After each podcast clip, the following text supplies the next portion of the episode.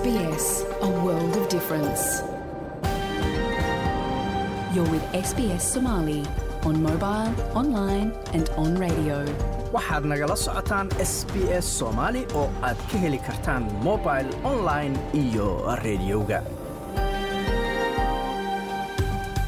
habeen wanaagsan dhammaantiinba meel kastoo aad naga dhegaysanaysaan waa habeen jimcaha bisha februaarina ay tahay afar sannadka labada kun iyo labaiyo labaatanka halka aad nagala socotaanna waa laanta af soomaaliga ee idaacadda s b s oo si toosa idinkaga imanaysa stuudioga aanu ku leenahay magaalada melbourne. Magacayguna waa xasan jaamac. Waxyaalahaad caawa ku maqli doontaanna waxaa ka mida barnaamijkeenna. Aniga hadda kula hadlaya xasano waxaan aaminsanahay inaan beri.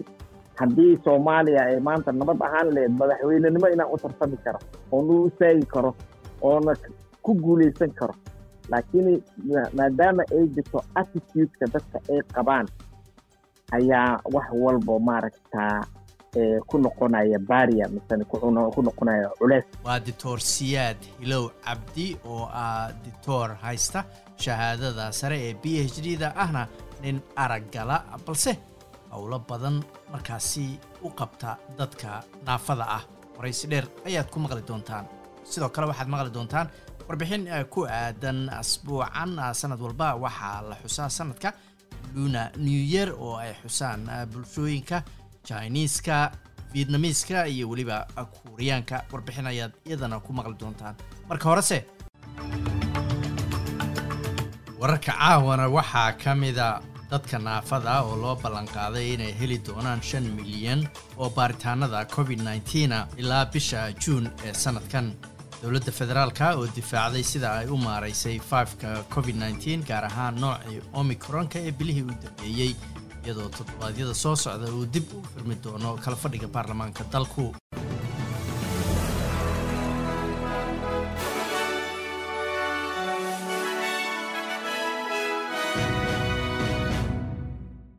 Wasiiradda nidaamka caafimaadka naafada ee n d i s loo yaqaano linda reynolds ayaa u ballanqaaday dadka naafada shan milyan oo baaritaanada covid nneteena ilaa bisha juun. Baaritaanada rabid test la yidhaahdo ayaa imanaya iyadoo ay soo baxayaan dhaliilo soo cusboonaanaya oo ku aadan qaabka loo maareeyay arrimaha dadka naafada iyadoo walaac laga qabo qaybinta tallaalka saddexaad oo gaabis noqday oo xataa ka liita ayaa la yidhi kan dadka waayeelka loo fidiyo ee xarumaha dadka waaweyn lagu hayo dhegaysi lagu qabtay guddi sanadka hortiisa toddobaadkan ayuu genaraal john fruwen u sheegay in kalabar xarumaha dadka naafada lagu hayo oo u dhigma kun iyo toddoba boqol iyo siddeetan goobood ay dhammeeyeen tallaalka saddexaad welise ay harsan yihiin kun iyo lix boqol iyo soddon goobood oo kale.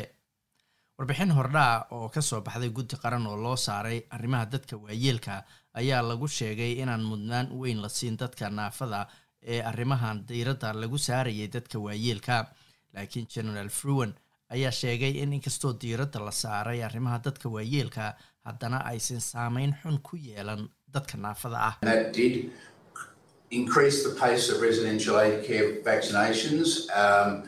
Taasi waxay kordhisay xawliga tallaalka dadka xarumaha waayeelka lagu hayo. Runtiina tirada dadka naafadu waa ay ka yar tahay tirada dadka waaweyn ee la tallaalay sababtoo ah baahida cad ee ah in dadka degan xarumaha dadka waayeelka la tallaalo si loo badbaadiyo naftooda. Laakiin ma yeelayno in aan mudnaan la siin dadka naafada ah. Waxaa la siinayaa ayuu yidhi mudnaanta koowaad. Dowladda federaalka ayaa mar kale difaacday sida ay u maaraysay covid nneteenka iyadoo ay socdaan iyadoo ay socdaan dooda ku aadan in dowladdu ay ku guuldaraysatay qaybinta tallaalka saddexaad ee boosterka loo yaqaano iyo inaysan si habboon markaasi u qorshayn.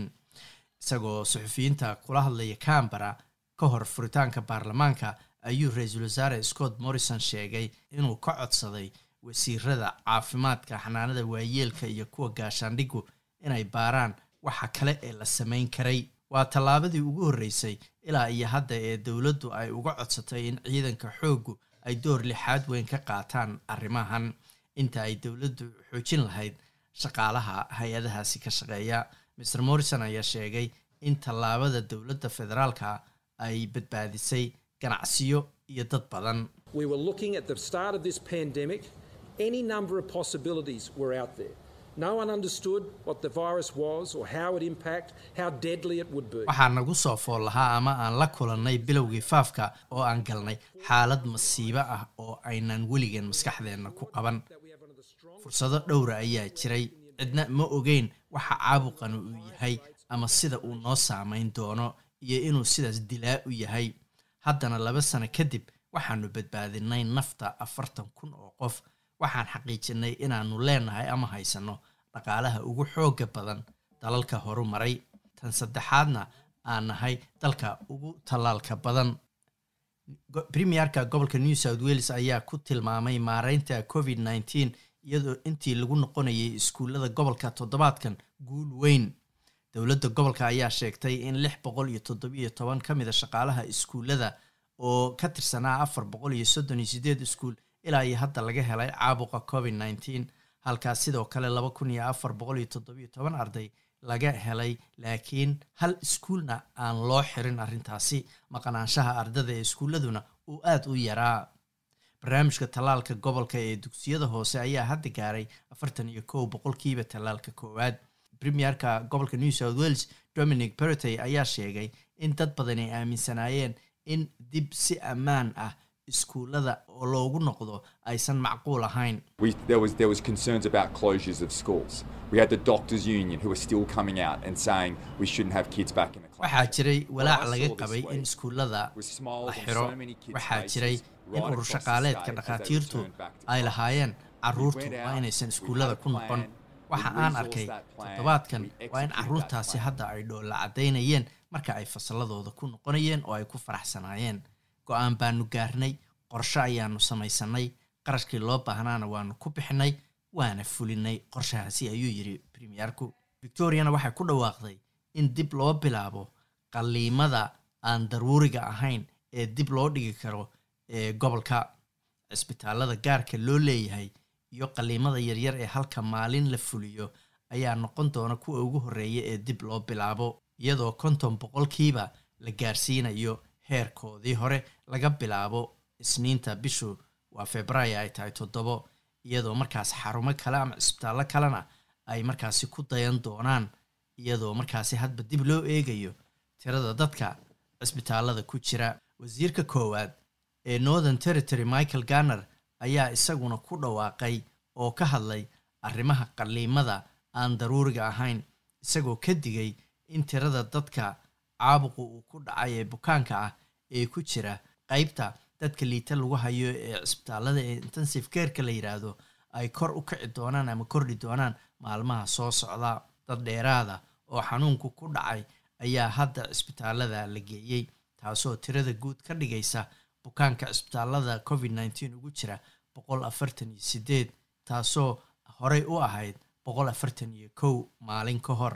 Mr garner ayaa sheegay in tiro badan oo dadkaas ka mid a ay u baahan doonaan inay mashiin ku neefsadaan iyadoo lix ka mid a ay ku jiraan i c u-da ama qeybta dadka liita la geeya ee cisbitaalka lana filayo tiradaasi inay korarto northern territory ayaa hadda diiwaan geliyey kun iyo afar kays oo cusub oo covid nneteena madaxa shirkadda diyaaradda quantas alan joyce ayaa cambaareeyey premierka gobolka west australia kadib markii uu premierku go'aan ku gaaray inuu xadka gobolkaasi uu xirnaado ilaa waqti aan la cayimin. Mr mcgowan ayaa hore u joojiyey qorshe lagu doonayay in dib loogu furo xadka gobolkani uu la leeyahay gobollada kale ee dalka shanta bisha febraayo oo berri ah. Isagoo markaasi sabab uga dhigay walaaca laga qabo nooca omicronka ee covid nteenka ee gobollada kale ka jiray. Saadaasha hawada berita oo sabti magaalada beeth aad bay u kulushahay waana cadceed. Afartan digrii bayna gaaraysaa. Magaalada adelaide inta badan waa cadceed iyo soddon digrii melborna waa sidoo kale oo markaas iyaduna waa cadceed labaatan iyo toddoba ayayna gaaraysaa. Sydney xoogaa roobaba ayaa la filayaa labaatan iyo shan bayna gaaraysaa. Brisbanna qayb ahaan waa daruur iyo labaatan iyo siddeed digrii halka australian dollara maanta waxaa lagu sarrifayay toddobaatan iyo kow senti oo lacagta maraykanka ah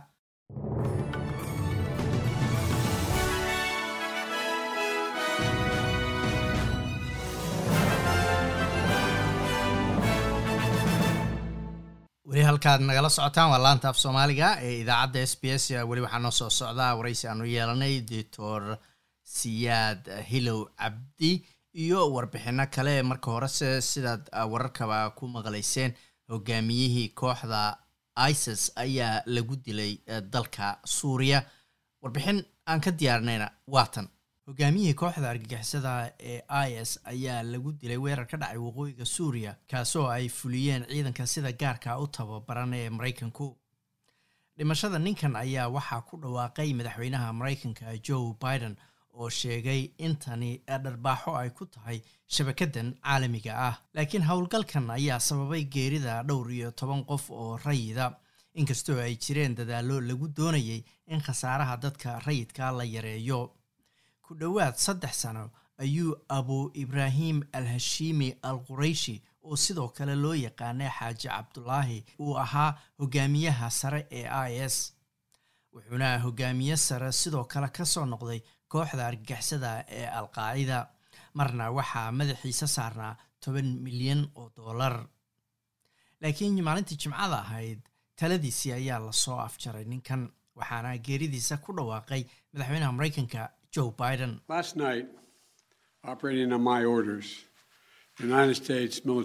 Xalay ciidanka xoogga ee maraykanka oo ku shaqaynaya amarkayga waxay ku guulaysteen inay adduunka ka horleexiyaan khatar weyn oo argagixiso. Hogaamiyihii kooxda i s oo sidoo kale loo yaqaanay xaaji cabdulaahi madaxweynaha ayaa sheegay inay ahayd howlgal military oo jab weyn ku ah i sta caalamka oo dhan all remember the gut wrenching stories, mass slaughters that wiped out entire villages, thousands of women and young girls sold. waxaan dhammaanteen xasuusanaa sheekooyinkii murugada lahaa dilwadareedyo lagu tirtiray tuulooyin dhan kumanaan haween ah iyo gabdho yaryar oo loo iibiyey sidii addoontii. Kufsi laga dhigay hub dagaal laakiin waxaa mahad leh askarteenna geesiyiinta ah.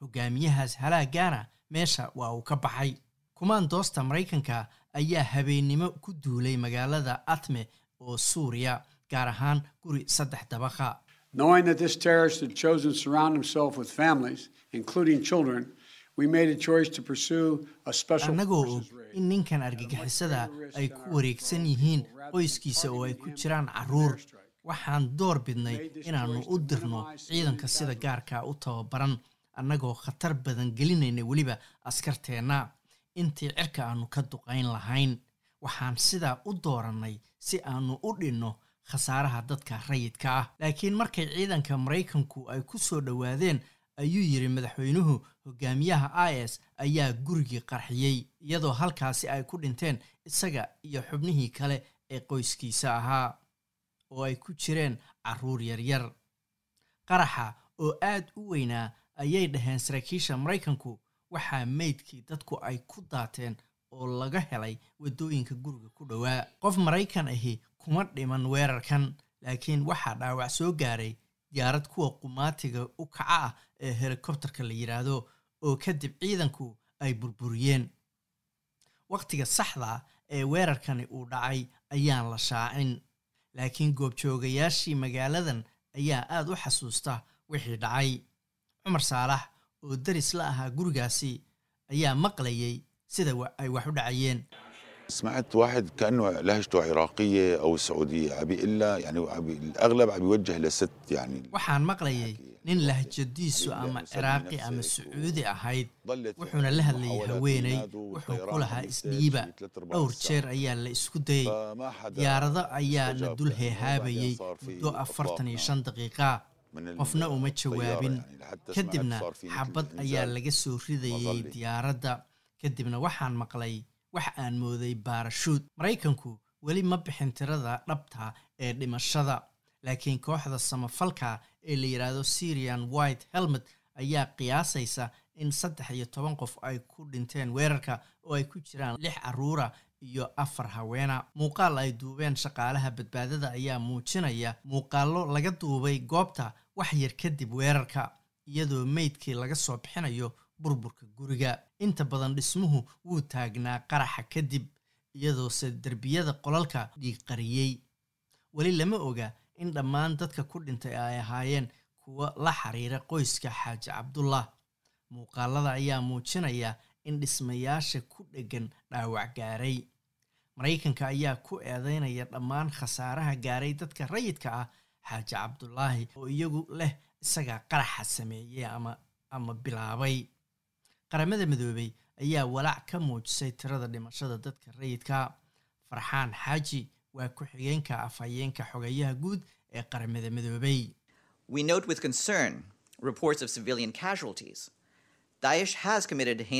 waxaan walaac ka qabnaa wararka ku saabsan khasaarada dadka rayidka. daacish waxay gashay dembiyo wuxuushnimo ah waxay masiibo iyo dhimasho u geysatay kumanaan rag haween iyo caruura nidaamka qaramada midoobay oo dhanna waxay ku midaysnaayeen dadaaladii looga soo horjeeday kooxda daacish marka guul kasta oo laga gaaro waanu soo dhoweynaynaa b j crowley wuxuu ahaa kaaliyaha xoghayaha arrimaha dibadda ee maraykanka wakhtigii madaxweyne obama. Wuxuu al-jasiira u sheegay inay toddobaadyo qaadan doonto in la fahmo sida weerarkani uu u dhacay iyo natiijadiisa wuxuuna filayaa in dilka hogaamiyahan ay dhabarjab weyn ku tahay kooxda argagixisada ah. Halkaad weli nagala socotaan waa laanta af soomaaliga ee idaacadda s b s weli waxaa noo soo socdaa. Warbixin uu noo soo diray waryahayaga magaalada muqdisho oo ku saabsan arrimaha doorashada marka horese sanad walba waxaa bilowga bisha februaayo la xusaa sanadka luna new yeerka la yiraahdo oo ay u dabaaldegaan bulshooyinka chineeska qaar ka mida vietnamiiska iyo weliba kuuriyaanka warbixinta arrintaasi ku saabsan waxaa noo soo diyaariyey cabdinuur ismaaciil oo idaacaddan s b sta la shaqeeya sannadkan laba kun iyo labaiyo labaatan maalinka koowaad ee sannadka cusub ee loo yaqaano luna yeer waxa ay bilaabantay kowdii bishan febraayo sannadka cusub ee luna yeerku afar weji ayuu leeyahay kuwaas oo kala ah wejiga koowaad oo la yidhaahdo little year ka labaad oo maalin xusid iyo cibaadaysi ah new years eve iyo maalinka isu imaatinka iyo hadiyad bixinta. Dabaaldega luna yeerka oo islamarkaana loo yaqaano spring festival waxa uu socdaa shan iyo toban maalmood oo ku eg wejiga ugu dambeeya ee la yidhaahdo lanten festival dor pang wang oo bare sare ka ah jaamacadda university of new south wales ayaa tidhi luuna yeerku waa bilowga sannadka lagu tirsado bisha ama dayaxa. Waxa uuna ku salaysan yahay wareegyada dayaxa waxaana kale oo lagu magacaabaabay tidhi chinese new year oo macnaheedu yahay sannadka cusub ee shiinaha ama spring festival. Dor wang waxay intaa ku sii dartay in luuna yeerka looga dabaaldego wadamo kale oo ka mid ah qaaradda asia sida korea vietnam iyo jaban waxay kale oo sheegtay in luuna yeerku leeyahay sooyaal dheer oo ah ilaa afar kun oo sannadood taas oo ka soo bilaabantay boqortooyadii shiinaha ee shia ama tii ku xigtay ee la odhan jiray shang. Dor key chang waxa ay iyaduna ka shaqaysaa barnaamijka luqadda shiinaha ee casriga ah ee dugsiga dhaqanka taariikhda iyo luqadda ee jaamacadda australia national university oo ku taala magaalada cambara waxa ay sheegtay in dabaaldegyada sannadka cusub ee luna yeer ee australia lagu qabtaa ay fursad weyn u yihiin dadka adduunka oo dhan si ay wax uga bartaan dhaqamada waddamada shiinaha kuwa koonfurta bari iyo bariga asiaba guud ahaan.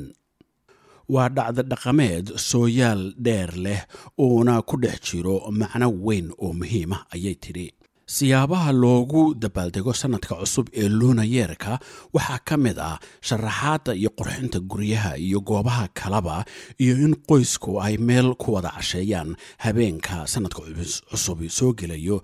Waxaa kale oo ka mid ah baqshado midabkoodu yahay gaduud oo iyo hadiyado la isa siiyo qarxinta rashka iyo daawashada qoobka cayaarada la kala yidhaahdo lion dance iyo dragon dance sanadkan cusub ee luunayeerka waxaa lagu xusaa in la cuno kalluunka dumblingska cuntada la yidhaahdo iyo in ay isu yimaadaan qoysaska iyo saaxiibadoodu ayay mar kale tidhi dor wang. Waxay intaa ku sii dartay oo ay tidhi midabka gaduudan waxaa loo arkaa inuu yahay mid laga helo nasiib aad u badan. Marka midabka gaduudka ah in wax lagu qurxiyo ka sokow waxaa caado u ah dadka shiinaha inay caruurtooda siiyaan baqshad guduudan si ay ugu dabaaldegaan sanadka cusub iyo koriinkoodaba iris tang waxay ku kortay waddanka shiinaha waxayna austraaliya soo degtay labaatan sannadood ka hor. Waxa ay sheegtay in farqiga ugu weyn ee u dhexeeya dabaaldegyada austraaliya iyo kuwa waddanka shiinuhu uu yahay in shiinaha laga galo fasax dheer oo dadweyne oo ku beegan dabaaldega sanadka cusub. Xilligaas oo ah xilli boqolaal milyan oo qofi ay u safraan magaalooyinka ay ka degan yihiin shiinaha si ay ula kulmaan qoysaskooda tang waxa ay rumaysan tahay in cuntadu ay tahay qayb muhiim ah oo ka mid a dabaaldega sanadka lunayeer ee cusub ee austraaliya sida shiinaha oo kale. Waxa ayna tidhi shakhsi ahaan waxaan magaalada cambara kula dabaaldegaa qoyskayga iyo saaxiibadayda annaga oo diyaarina cuntooyin aad u badan. Miis ayaannu hareeraha ka fadhiisanaa laga bilaabo habeenka sanadka cusub soo gelayo markaasaannu samaynaa boqolaal dumplings ah inkasta oo shiinuhu wakhtigan casriga ah isticmaalo sooyaaltiriyaha gregorian haddana waxaa weli laga isticmaalaa taariikh tiriyaha ama sooyaaltiriyaha kale ee soo jireenka ah ee shiinaha iyada oo sidaas oo kalena ay si weyn u isticmaalaan dadka shiinaha ah ee ku nool adduunka kale maadaama baa la yidhi ay taariikh tiriyaha ku cayiman yihiin ciido dhaqameedku sida sanadka cusub ee lunayer iyo bandhigga lanten festivalka la yidhaahdo waxaa kale oo sooyaaltiryaha ku cayiman maalmo kale oo qiimo curaafaysi ah u leh dadka isticmaala sida maalmaha guurka kuwa aaska maalmaha la guuro ama kuwa la bilaabo ganacsi ayay tiri dor pang wang. Sooyaaltiryaha dhaqameed ee shiinuhu waxa uu ku salaysan yahay qoraxda iyo dayaxa. Waxa uu raacaa socodka dayaxa iyo qoraxda waxa uu ka shidaal qaataa meeraysiga uu dayaxu dhulka ku meeraysto iyo meeraysiga uu dhulka qudhiisu qoraxda ku meeraysto. Sooyaaltirsigan maalinka bishu bilaabanto waxaa lagu saleeyaa dayaxa sida sooyaaltirayaasha kale ee dayaxa lagu tiriyaba. Tirada maalmaha bishuna waa sagaal iyo labaatan ama soddon maalmood. Maalinka uu sanadku bilaabmayana waxaa lagu xisaabiyaa wareegga uu dhulku ku meeraysto. Qoraxda ayay tiri dor wang sooyaal tirsigaas oo haddana sii kala duwan ayaa laga isticmaalaa eeshiyada bari oo dhan. Sannad kasta bilowga sannadka cusub ee lunayer waxa uu dhacaa bisha janaayo ama febraayo sida ay sheegtay pang wang. Waxa uu bilaabmaabay tidhi inta u dhaxaysa dhammaadka bisha janaayo iyo bartamaha febraayo sannadkanna waxa uu bilaabmay febraayo sida caadiga ah dabaaldegyada lunayer waxa ay socdaan shan iyo toban maalmood oo ka bilaabma habeenka sannadka cusub soo gelayo kuna dhammaada maalinka shan iyo tobnaad ee sannadka lunayeerka sidaana waxaa tidhi dor kay shang dabaaldegga lanten festivalku waxa ay sannad kasta la meel dhacdaa maalinka shan iyo tobnaad ee bisha koowaad ee lunayeerka sidaasina waxay ku qoran tahay taariikh tiriyaha shiinaha waxaa loo yaqaanaabay miss wang leedahay lanten festival waayo waxaa jira dhaqan ah in qoysasku caruurtooda u sameeyaan faynuusyo yaryar oo ay ku daaraan albaabka hortiisa. Ilaa iyo samanadii hore ee boqortooyadii tangna waxaa maalinkaa la qaban jiray dabaaldegyo waaweyn dor craig smith waa bare sare oo ka tirsan jaamacadda university of melbourne machadkeeda asia institute islamarkaana dhiga turjumaadda luqadda shiinaha. Waxa uu dhowr sannadood ku soo noolaa waddamada taiwan iyo kuuriyada koonfureed halkaas oo ay ka soo raacday xusuus ah sidii waddamadaas loogaga dabaaldegi jiray sannadka lunayeerka dor smith waxa uu sheegay in south korea waa kuuriyada koonfureed ay maalinka sanadka cusub ee luuna yeerku ka tahay maalin ay xusuustaan oo xusaan awoowayaashoodii. Maalinkaas buu yidhi qof kastaa waxa uu awoowayaashiisii dhintay u diyaarayaa cunto iyo iyo inuu xasuusto islamarkaana uu cabitaan siiyo dor smith waxa uu sheegay in ay jiraan waxyaabo badan oo ka mid ah dabaaldegyada soo jireenka ah ee sanadka cusub ee luuna yeerka oo ka kala yimid waddamo kale oo aan shiinaha ahayn. Tusaale ahaan buu yidhi libaax cayaaraya qoobka cayaar oo si soo jireen ahaan ah loo soo bandhigo inta ay socdaan dabaaldegyada luuna yeerku markay aqoon-yahanadu eegayaan dhaqanka qoobka ciyaarka libaaxa waxa ay runtii ka dhigan tahay inay dib u eegayaan kumanaan sannadood ka hor waxaanuna hore u ogeyn in dhaqamo badan sida diimo muusig iyo farshaxan ay ka soo galeen shiinaha dhinaca waxa aynu hadda ugu yeedhno waddamada galbeedka ama bartamaha asia gaar ahaan kuwa ku taxan jiidda caanka ah ee la yidhaahdo silk road ayuu yidhi dor smith waxay u badan tahay in dhaqankani uu ka soo jeedo meelo ka baxsan waddanka shiinaha. Dad badan ayaa la xidhiidhiyey taas dhaqanka bershiyaanka iyaga oo ku saleeyey lafagur lagu sameeyey dhaqan iyo luqad ayuu yidhi muddada u dhaxaysa bilowga luuna yeerka ee februarida sannadkan ilaa janaayo waxaa la yidhaahdaa the year of the tiger oo macnaheedu yahay sannadkii shabeelka. Shiinuhu waxay kale oo sannadaha ugu magac daraan magacyo xayawaan. Muddo labayo toban sannadooda ayay labayo toban magac oo xayawaanada ah sannadkiiba mid ugu magac daraan xayawaanka ay sannadaha ugu magac daraanna inagoo u kala horraysiinana si ay u kala horreeyaan waa sidan. Sannadka jiirka ama dooliga sannadka dibiga sannadka shabeelka sannadka dragonka sannadka maska sannadka faraska sannadka rida sannadka daayeerka sannadka diiqa labka ah sannadka eyga iyo sannadka doofaarka. Sannadkan ku beegan ee aynu hadda ku jirnaa waa kii shabeelka. Shabeelku waxau u taagan yahay awood iyo xoog iyo in wax walba lagu xakameeyo oo wax walba la xakameeyaan idhaahdee oo si hufan loo dhammaystiro waana isbeddelka adduunka looga baahan yahay bay tidhi. Xilligan lala daalaadhacayo safmareenka covid waxaa warbixintaasi noo soo diyaariyey oo noo akhrinayay cabdinuur ismaaciil.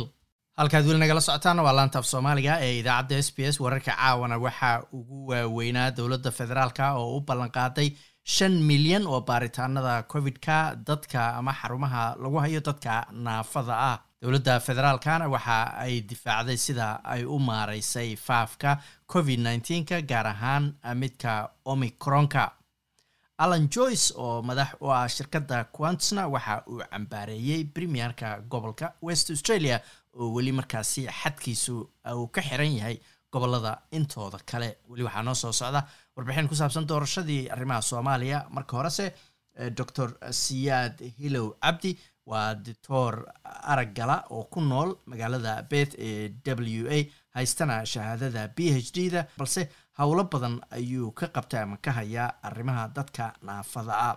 Doctoorka oo khadka telefoonka iigu warramay ayaan weydiiyey bal in yar taarikh nololeedkiisa inuu nooga warramo waxaana uu yidhi. Australia waxaan imaaday labada kun iyo afartii bisha lixaad ayaan australia imaaday waxaanan ku imaaday ardaynimo anigoo markaasitu waxbarashadayda ay tahay p h d shahaadada p h d ga ah jaamacadda flinders university ayaan waktigaas ka helay qolo maraykanka ayaa markaas iga bixinayeen fiiskeyga iga bixinayeen oo la dhaho i f p international fellowship program waxbarashadayda markaan bogeyne waxaan arkay inay baahi weyn ay jirto loo baahan yahay. In dadka naafada ah oo khaasatan migrant community-ga ah inay baahi weyn ay u qabaan qof maaragta u doodo xuquuqdooda. Saa daraaddeed ayaan ku go'aansaday inaan wadanka ku hago ku haro si aan maaragta uga caawiyo waxaan la dhaho social justice agenda misana udoodista dadka maaragta baahidaas gaarka qabo. Marka waxay dhib igu noqotay because qaxooti kumaan imaanin migrationka xogaago way igu dhibeen arrintaas waan saa ula socotiin. Dhowr meelood dhowr jeer baa maaragta go'aan ay department migration ka soo saartay inay markaas ay rabto inay maaragta musaafuriso waddanka aan ka baxo.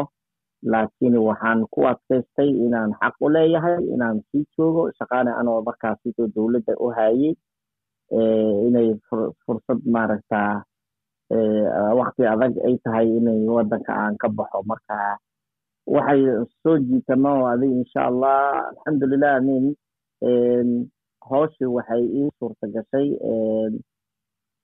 labada kun iyo toddobiyi tobanka waktigaas oo migrationka ay siiyeen permanent residence. Marka waa dareemi kartiin from two thousand and four I mean two thousand and seven ilama two thousand and seventeen toban sano waxaanun ku joogay maaragta temporary resident. Anigoo shaqadooyinkaygii iska wato. Marka khaasatan aniga waxaan aada inaan aan u soo bandhigo dadka naafada ah xaqa ay waddanka ku leeyihiin. Waana ogsoon tahay badanaa cultural linguistically diverse oo migrant communityga in mar walbo waxyaalo fara badan ay la soconin ama xagga dhanka sharciga ha noqoto ama baahida maaragta gaarka ah waxay u baahan yihiin oo facilitieska ha noqoto. Marka arrimahaasito ayaan badana kaga qayb galay howlo badan aan ka qabtay. Guddiyaal fara badanne saasaa maaragta aan oogu jiraa oo hadda dhowr guddi baan ka mid aan ka ahay. Hadday sharcigii baa lagu siiyey sanado ka hor hadda nin muwaadinaa tahay reerkaagii baa lagu keenay. Arrimaha ugu waaweynoo marka aad ka caawiso dadka naafada ah ee soo galootiga ah maxay yihiin baad isleedahay sidaa la socota waddankan hadda waxaa ka hirgelay wax la dhaho national disability insurance scheme. National disability insurance scheme guddi ay leeyihiina jirtaa gaar ah oo la dhaho participants reference group. Guddigaasa mar dhow baa liigu soo daray anigoo markaas talo ka siinayo n d i a da agentiga u xil saaran national disability insurance schemeka. Talo ka siinaya xagga dadka migrant communityga ah taa waa wan guddi guddi ka mid waaye. Waxyaalahan waxyaalahan badanaa dadka migrantska aan ugu doodno waxaa ka mid ah ka qayb qaadashada n d i s ta because dad badan baa ogsoon inay aan garanaynin in ay ka qayb qaadan karaan misena ka noqoni ka mid ka noqoni karaan dhaqaalaha ay ku bixiso n d i s ay ku bixiso dadka naafada ah so eligibilitygaasito yaan ka caawinaa haddii maarata ay rabaan inay ay helaan macaawino gaar ah misena funding dhaqaale ay ku bixiyaan waxyaalaha dadka naafada ah ay u baahan yihiin xagga technologyga xagga guriga because qofka asagoo naafa ah waxaa laga yaabaa inuu la degan yahay waalidkiisi misene cunugi naafa ay ahaayaan qofka uu u baahan yahay guriga accessibility inuu ka helo maarata guri waasax ah oo maaragta oo cunuga misene qof naafaba ka dhaho uu baahidiisa kabi karto access xagga dhinaca accessibilityga ah. Guryaha waddankan waad garanaysaa sida loo dhiso badanaa waxaad arkaysaa guryo badan oo private particularly private houseka maaragta shaksiga gaar u leeyahay. Nin walba siduu rabo ugu dhisanaya kuma xisaabtamaayo qofka naafada ah muxuu baahi gaar ee uu leeyahay xagga guriga. Qof for example waxaan dii la soo qaato qofka araggala wuxuu u baahan yahay nafaas weyn oo guri uu ku soconi karo ushiisa uu ku isticmaali karo. Guryahana waa ciriiri oo way isu dhow yihiin. Badanaa waxaa dhacdaa marka qofka naafada gurigaas ku jiro waxaa laga yaabaa intuu socdo keliya inuu derbiga kale uu ku dhaco oo maarata oo dhaawac uu ka soo gaaro asaga naftigiisa xaggan caafimaadkiisa dhaawac uu ka soo gaaro. Iyadoo taa loo adeegsanaya marka xuquuqda uu intaa ku leeyahay guri gurya noocaas oo waasac oo ku soconi karo meeshuu rabo wax rabo ku qabsani karo waa in la helaa oo safe safe ah oo secure. Ah waxaa kaloo jirtaa oo haddana guryaha la xiriiro dadka maaragta ku socdo wheelchairska waxaa jiraan jikada hadday ka adeegan karaan oo misane jikadaasitu waa inay ahaato jiko accessible ah ooy maamuli karaan maaragta dheerarkooda misane gaabnidooda ay gaari karaan microwaves hadday ay rabaan inay wax ku qabsadaan. Accessibility guriga xagga guryahoo dhan marka guryahaas arrimaha guryaha waan ugu doonnaa ama private ha ahaato ama public social housingka ha ahaado state walbo xuquuq hay'ada hay'adada hay'ada ka shaqeeyaana jiraan oo arrimahaasiisu maaragta ka caawiyaan. So ndis-ka waa mid midda kale social public housingka iyo xagga shaqada employmentka. Hadda waxaan ku jiraa also guddi kale oo xagga employmentka ah oo under dss disability i mean department of social services waxaan la shaqeynaa national ethnic disability alliance annagoo maaragta tala ka siinayno dowladda habka wanaagsan ee dadka naafada ah ka soo jeedo migrant communityga ay shaqaaleen shaqa ay ku heli lahaayeen shaqa abuur fiican ay ku heli lahaayeen iyo sidii xiriirka ka dhexeeyo hay'adaha u xisaabsan disability employment services iyo dadka migrant communityga siday u access garan lahaayeen misane fursad u heli lahaayeen inay maaragta ka faa'iideystaan laamahaasito shaqageynta waa garta ditore marka dadka aad inta badan caawisaan ama hay'ad ahaan ama adigu maku jiraan dad soomaaliya ama afrikaana ma jiraan baahiyo gaar ahoo bulshooyinkaas ama communitiyadaas ay ay qabaan oo ka badan midda dadka caadiga ah ee australiyaanka ama migrant kale oo naafada ay qabaan. Ha aad aad baahi qabiil yani qolo walba way leeyihiin qolo walba way leeyihiin. Hindiya ku jiraan dadka maarata afghanistan african communities soomaali aad bay soomaali badan maarata aan waxyaalahanito dadka naafada warba ka haynin baa yaa ku jiraan oo markood aan ka caawinaa marka baahida gaarka ee the migrant communityga ay leeyihiin waa interpreter oo kaleta maarata turjubaan inay helaan informationka in luqadooda lagu qoro ay u baahan yihiin. Like for example nds luqadda af soomaaliya haddii lagu qoro qofka uu akrini karo loo akrini karo misane interpreter intii loogu yeero misane turjubaan loogu yeero oo turjubaanka ugu akrin karo documentkii loo baahan yahay. Waxyaalo fara badan oo kala kulanaa jirtaa hadda insurance insurance oo kaleta gawaarida markay gawaarida insuranceka policygooda dadka migrant communityga waxba kama fahamsano policyga policiyaalkaas marka waxay u baahan yihiin qof u jilciyo oo arrimahaasito si fiican ugu fasiro si ay oola socdaan waxa looga baahan yahay terms and conditionska looga baahan yahay. Dhowaan laga qaybgeliyey baa jira oo ministerial advisory group la yiraahdo oo arrimaha dadka naafada looga hadlo. Groupkaas maxaa lagugu daray? Maxaase howlaha ay qabtaan? Yihin guddiga nato waa guddiga wasaaradda arrimaha naafada ah tala ka siiyo wasiirka. Waxaan ka koobannahay labaatan qof west australia aniga keliya baana wax maarata migrant community ah oo ku jiro oo maaragta la soo xushay. Sanad baa awood iyanala siiyey. Bandhigtayna hal sano oo ku egyahay sanadkaas markuu dhammaadana bandhigka waa lagu cusubin karaa. Misane haddaad rabto adig baa iskaga hari karto.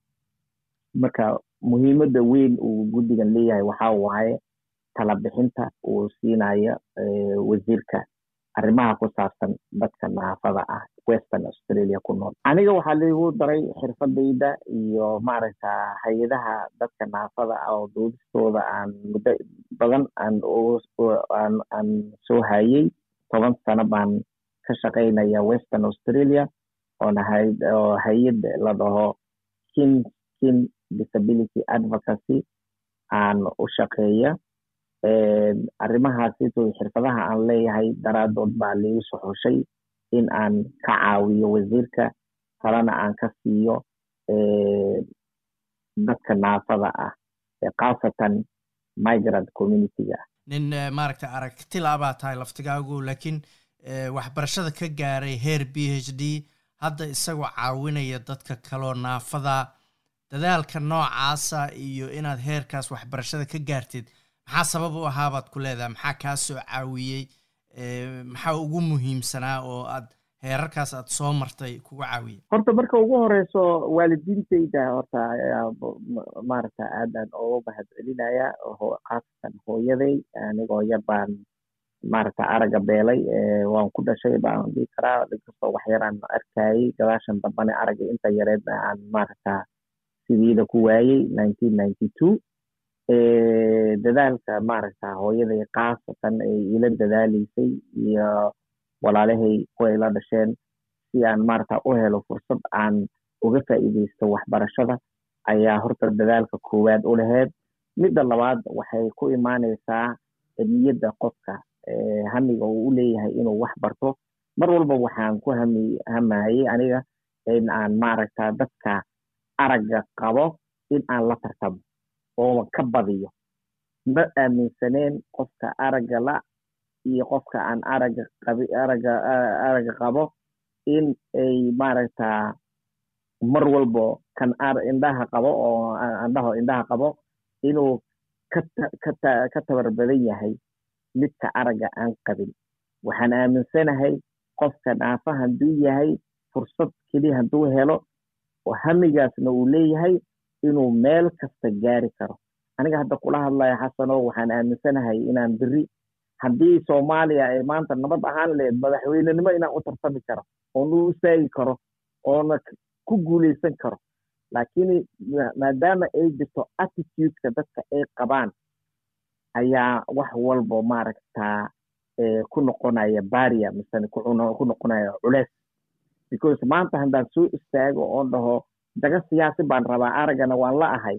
Waxa keli ay soomaali ay dhahayso waxaa waaye war kuwii indhaha qabeen baa waxba laga keeni waaye adigoo aragga la maxaa noo qaban kartaa? So waa attitudes bay wax walba ku dhisan tahay. Marka qofka haddii attitudekiisa laga dhiso wax walba wuu qabsan karaa.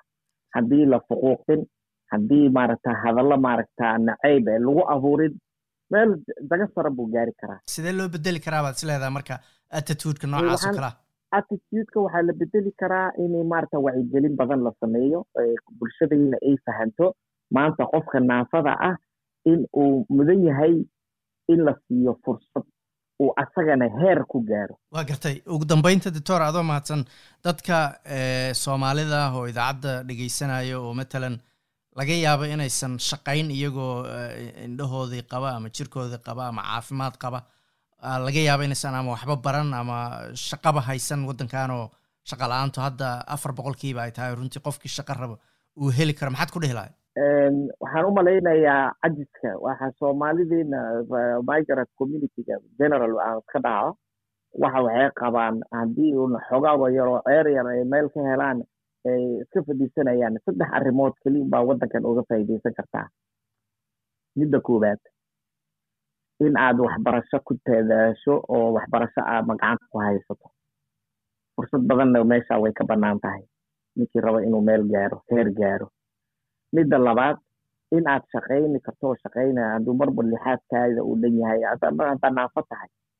Lixaadkaada ama lixaadkaada ha dhanaado ama naafo aad tahay fursad badan baa ku bannaan inaad shaqa shaqa shaqa aad raadsato oo ka shaqayso midda saddexaad oo midda jagada ugu hooseysa ah waxa waaye haddii inaad ka faa'iidaysto muqaadaraad iyo wax kale oo macno aan lahayn iyo cajis taasna inta waddankan waa loogu imaani karaa dad badan oo waxaa jiraan muqaadaraad iyo meelo faranoo munaasab aan ahayn maanta ku jiraanoo nolosha ka dhacay marka haddaad taas aad dooratana haddii aday ku jirtaa oo de waa qof nolosha ka dhacay unbaa noqoni oo meel ma gaaraysid. Bulshadana bulshadana way kugu nacaysaa arrintaas oo meel ma gaaraysid. Marka waa muhiim inaad cajiskaasito iyo intii aad dhinac iskaga riixdo aad wixii dantaada aad garato misene waxbarasho aad ku gacanta ku qabsato misene shaqo aad ka shaqaynayso oo tolkaada iyo iyo diintaada ku baahan tahay markaas asaa ugu shaqayso kaasina wuxuu ahaa doctor siyaad hilow cabdi oo khadka telefoonka ee magaalada beth igu warramayey haddana waa warbixintii uu noo soo diray wariyahayaga magaalada muqdisho waxaa weli qaybo ka tirsan dalka ka socda doorashada xildhibaanada golaha shacabka ee baarlamaanka koob iyo tobanaad ee jamhuuriyadda federaalk soomaaliya. Inkastoo qaybo fara badan oo ka mid ah goobaha doorashooyinku ay ka soo yeerayaan qayladhaan ku aadan in si qaldan wax loo maareeyey magaalada dhuusamareeb ee caasimada dowlad goboleedka galmudug ayaa lagu qabtay maalintii shalay doorashada kuraas ka mid a xubnaha golaha shacabka gaar ahaan kuwa deegaan doorashadoodu ay tahay magaaladaasi dhuusamareeb doorashada lagu qabtay magaalada dhuusamareeb ayaa ah ilaa iyo afar kursi iyadoo aan intooda badan loo gelin marka loo eego tartan adag waxaana ku soo baxay musharaxiin la filayey in kuraastaasi ku guulaysan doonaan xubnahan afarta kursi ee ku soo baxay doorashada ka dhacday dhuusamareeb ayaa waxay kala yihiin cabdisamed macalin maxamuud xasan mustaf sheekh cali dhuxulow xuseen maxamed nuur iyo dayax axmed cumar kuwaasi oo ay guushooda ku timid sida la sheegay kadib markii loo tanaasulay guddoomiyaha guddiga doorashooyinka dadban ee maamul goboleedka galmudug maxamed daahir guleed ayaa ku dhawaaqay natiijada afartaasi kursi ee ka soo gudubtay galmudug maanta oy taariikhdu tahay saddexdii bishii labaad laba kun labaatan labo guddiga doorashada galmudug wuxuu qabtay afar kursi oo nambarskoodu kale yihiin hobs hob hob hob kursiga koowaad oo nambarkiisu yahay hob waxaa isu diiwaan geliyey cabdisamad macalin maxamuud xasan iyo xamdi cali shire. Waxaa intaan codbixintu bilaaban tanaasulay murashaxa xamdi cali shire waxaan hab gacantaaga ugu codaynay murashixii soo haray cabdisamad macalin maxamuud wuxuuna helay erkaa u codaysay waxaa u codayay dhammaan boqolikoodii erko sidaa daraaddeed kursiga hob waxaa ku guulaystay cabdisamad macalin maxamuud xasan waxaan qabannay kursigii labaad oo nambarkiisu yahay hob waxaa isu diiwaangeliyey murashaxiinta kale ah mukhtaar sheekh cali duxulow cabdulaahi cabdi guutaale jamiilo cali xayle iyo cabdinuur ciise xiidhay waxaan goobta soo xaadirin cabdinuur ciise xiidhay. Tartankii wuxuu ku soo dhammaaday mustaf sheekh cali duxulow oo helay cod. Cabdulaahi cabdi guutaale oo helay cod. Jamiilo cali xayle oo heshay shan cod. Iyo saddex cod oo helaawday kooranku wuxuu ahaa sidaa daraaddeed waxaa kursiga hob ku guulaystay mustaf sheekh cali duxulow oo helay cod waxaan qabannay kursigii saddexaad oo hob waxaa isu diiwaangeliyey murashaxiinta kale xuseen maxamed nuur iyo maxamed geedi cawaale. Waxaa codbixintii ku soo dhammaatay xuseen maxamed nuur oo helay cod iyo maxamed geedi cawaale oo helay cod. Waxaa hallaabay laba cod kooranku wuxuu ahaa sidaa daraaddeed kursiga hob waxaa ku guulaystay xuseen maxamed nuur oo helay cod waxaan qabannay kursigii afraad oo nambarkiisu yahay waxaa isu soo diiwaangeliyey dayax axmed cumar iyo cabdulqaadir abuukar cabdi. Tartanku intuusan bilaaban waxaa ka tanaasulay tartanka cabdulqaadir abuukar cabdi.